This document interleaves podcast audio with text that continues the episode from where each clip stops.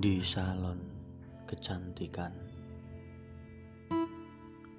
Ia duduk seharian di salon kecantikan, melancong ke negeri-negeri jauh di balik cermin, menyusuri langit putih, biru, jingga, dan selalu pada akhirnya terjebak di cakrawala. Sekali ini aku tak mau diganggu waktu seluruhnya untuk kesendirianku.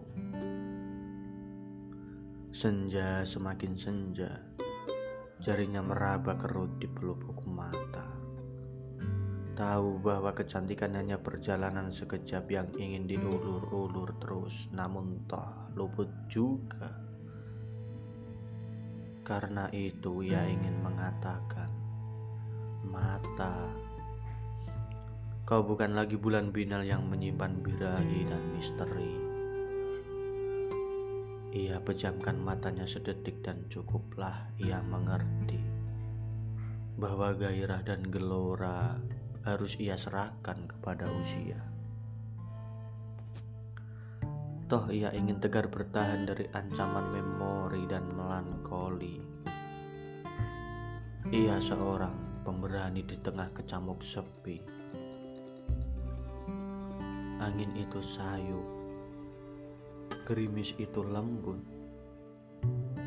Ia memandang dan dipandang wajah di balik kaca.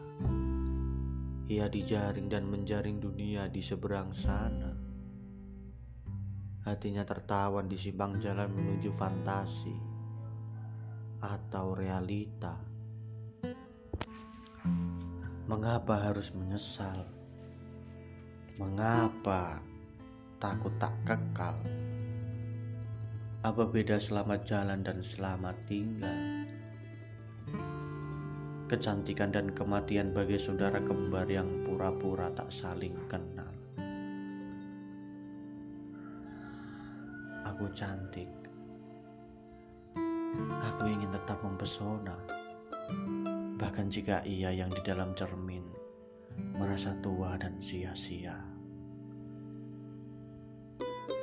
Yang di dalam kaca tersenyum simpul dan menunduk malu melihat wajah yang diobrak-abrik warna.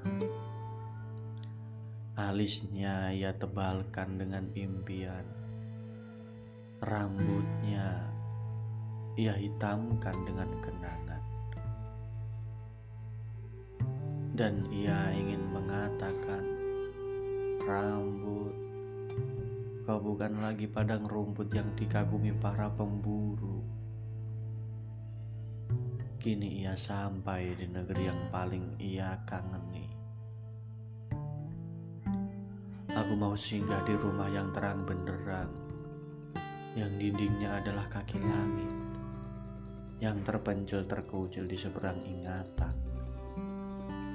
Aku mau menengok bunga merah yang menjulur liar di sudut kamar ada saatnya ia was-was kalau yang di dalam cermin memalingkan muka karena bosan, karena tak betah lagi berlama-lama menjadi bayangannya, lalu melengos ke arah tiada. Lagu itu lirik, suara itu letih. Di ujung kecantikan jarum jam mulai mengukur irama jantungnya. Aku minta sedikit waktu lagi buat tamasya ke dalam cemas. Malam sudah hendak menjemputku di depan pintu.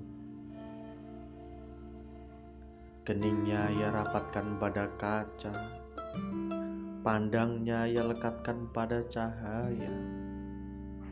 Ia menatap, ia melihat pada bola matanya segerombolan pemburu beriringan pulang membawa bangkai singa.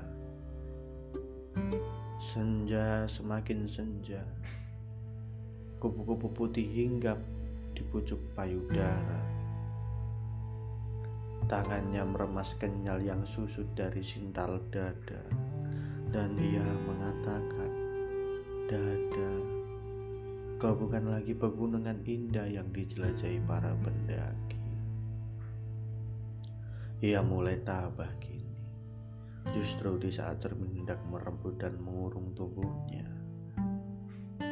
serahkan, kau akan kurangkum, kukuasai seluruhnya. Ia ingin masih cantik di saat langit di dalam cermin berangsur luluh. Hatinya semakin dekat kepada yang jauh.